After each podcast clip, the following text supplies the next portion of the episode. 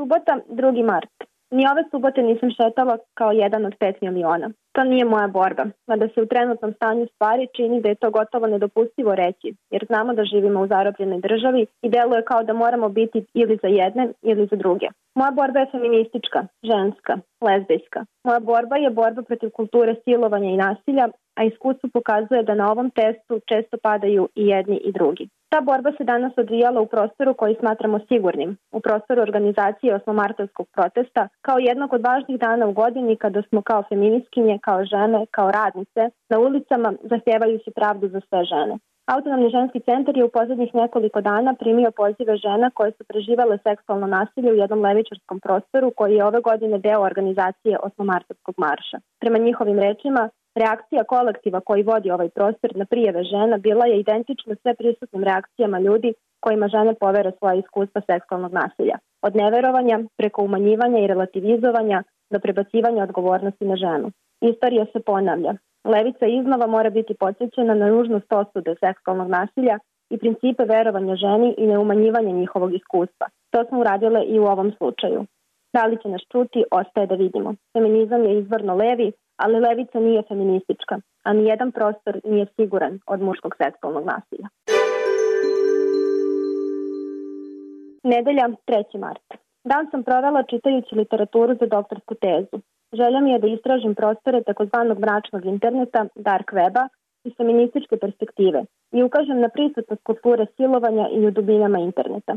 Naišla sam na srpsko izdanje časopisa Hacker Journal, koji je kod nas prvi put objavljen u januaru ove godine.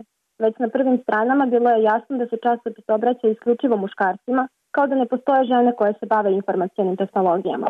Ipak najveće razočaranje bilo je u naslov jednog od tekstova. Draga, uhvatio sam te na delu. Želite li da kontrolišete vašu devojku? Predstavljamo vam aplikacije koje će vam omogućiti da zavirite u četove na uređajima Android i Apple. U narednim danima planiram da nađem vreme da sastavim pismo redakciji i ukažem na eksplicitnu promociju muškog nasilja prema ženama. Ponedeljak 4. mart. Iz bukvarka sam izvukla intervju sa Mirjanom Karanović za danas od pre neki dan. Kakav snažan naslov. Ženska sloboda je uvek ograničena muškom velikodušnošću. Razmišljam o pitanju zašto u Srbiji nije zaživeo mitu u kinematografiji. Slažem se sa Mirjaninim odgovorom na ovo pitanje, ali istovremeno razmišljam o stotinama ispovesti koje sam pročitala od strane običnih žena na društvenim mrežama. Mi tu je širi od Hollywooda, širi je od onoga što se dešava ženama koje su vidljive u javnosti. U kontekstu Srbije, mi tu su i hrabra Marija Lukić i ostalih šest žena iz Brusa, kao i studentkinje iz Kragujevca, kao i devojke koje su nedavno u prilogu B92 izgovorile da naravno da im se desilo neprijatno iskustvo na ulici i u javnom prevozu. Kultura silovanja nije samo to što im se desilo, već i kada im se ne veruje, kada se pokušavaju diskreditovati i umanjiti, kada, kako kaže i Karanović, izostaje podrška. Kada doživljavate pretnje i dobijate otkaze zbog toga što ste progovorile, poput Marija Lukić. Utorak 5. mart.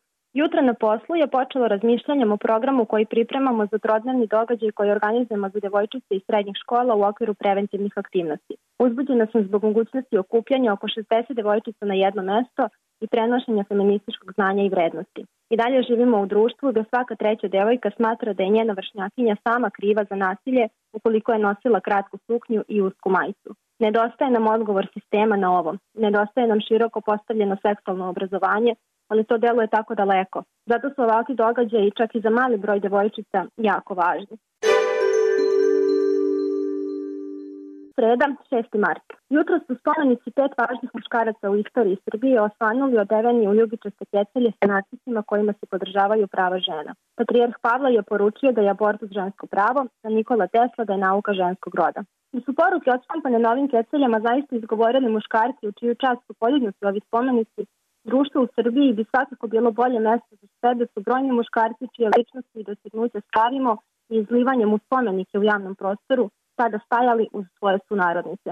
Rekla je za BBC na srpskom Ksenija Radovanović iz inicijative Ne davimo Beograd. Ovom jednostavnom i iskrenom izjavom Ksenija je jasno poručila da nije reč o akciji koja je protiv, već o akciji koja je za ravnopravnost i solidarnost onih na poziciji moći sa onima koji je nemaju, istovremeno ukazujući na nevidljivost i nepriznatost ženskog rada.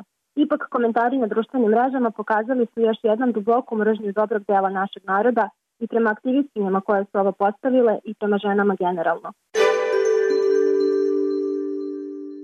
Četvrtak 7. mart.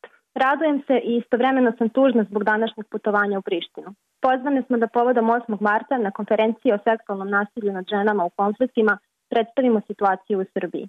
Razmišljamo o solidarnosti ženskih organizacija sa Kosova i Srbije i važnosti ovog poziva. Razmišljamo o odgovornosti odlaska i govora. Razmišljamo ženama iz rata za koje Srbija nije uradila baš ništa kako bi im ponudila neki vid reparacije i da smo jedina država u regionu koja ne prepoznaje seksualno nasilje u konfliktima. Zapravo ne prepoznajemo još uvek ni sobstvenu odgovornost za počinjene zločine i genocid. Ipak, radujem se ponovnom susretu sa sestrama iz Prištine, ali i iz Hrvatske i Bosne i Hercegovine. I to mi uliva nadu da makar u našem mikrosvetu solidarnost i ljubav ipak odnose pobedu. Petak, 8. mart. Pre odlaska na konferenciju šaljem poruku mami. Iako ovaj datum poslednjih godina obeležavam na ulici, taj kratki razgovor sa njom me podsjeća na krilaticu da je lično političko i da svaki naš čin u privatnoj sferi takođe nosi težinu aktivizma. Danas zbog konferencije neću imati priliku da marširam, ali ću u mislima biti sa ženama koje su na ulicama širom sveta, zasevajući pravdu za naše mame, sestre, prijateljice, za poznate i nepoznate žene, za sebe. Jer znam da ako mi stanemo, staje ceo svet, a mi nećemo stati. Srećan nam Međunarodni dan žena.